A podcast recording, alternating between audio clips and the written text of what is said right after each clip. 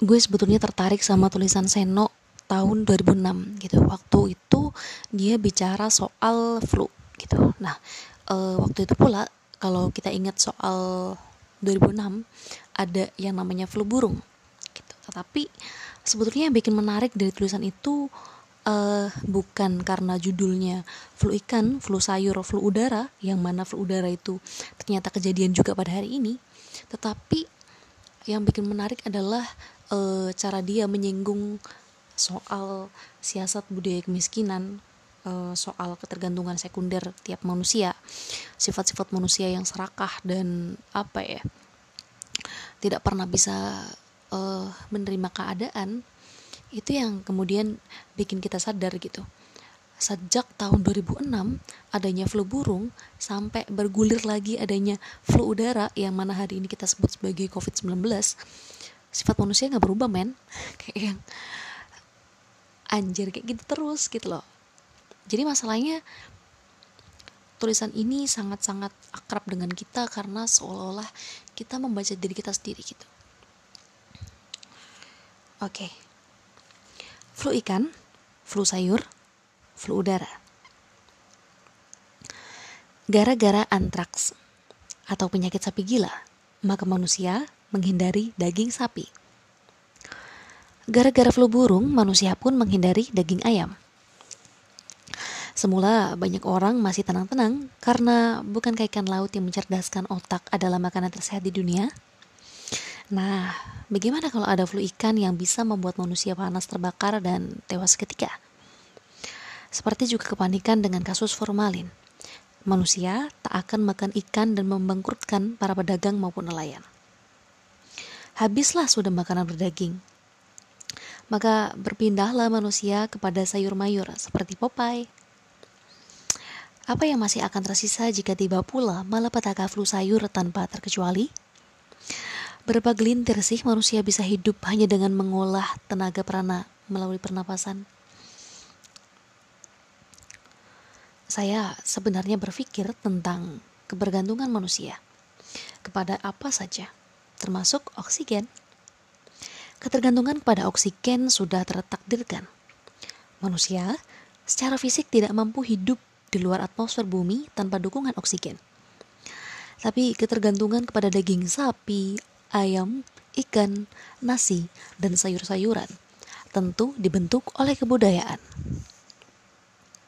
Kadang-kadang sih wabah itu seperti mengejek kita semua, mengejek manusia. Salah sendiri cuma doyan sedaging sapi. Saya sendiri cuma doyan daging ayam. Ikan tak termakan kemarin-kemarin hanya karena isu formalin. Bagaimana kalau flu ikan jadi kenyataan? Sementara sapi gila dan flu burung bukannya makin berkurang. Ini bukan artikel kesehatan. Saya hanya membayangkan terdapat suatu kekuasaan yang ingin membuka mata manusia. Betapa manusia tidak sehebat yang mereka sangka. Korban flu burung memang memprihatinkan, tetapi kepanikan yang masih sehat menimbulkan rasa iba. Anehnya, rasa iba itu tidak selalu berhati kas rasa kasihan, melainkan bercampur rasa jijik atas merengekkan seperti mengundang penindasan selanjutnya. Mungkinkah terdapat suatu kekuasaan yang ingin membuat manusia menjadi tahu rasa?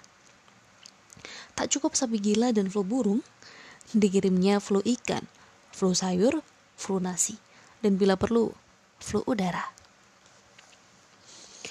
Saya ingat gejolak pasar beberapa tahun lalu. Harga cabai keriting melonjak ke langit. Gejolak yang tidak akan pernah terjadi jika manusia Indonesia tidak doyan sambal. Namun, sambal menjadi vital. Ternyata bukan hanya karena pedas, melainkan karena bagi orang miskin yang tidak mampu membeli daging sapi, ayam, ataupun ikan. Bahkan, sayur pun tak lebih dari sekedar direbus.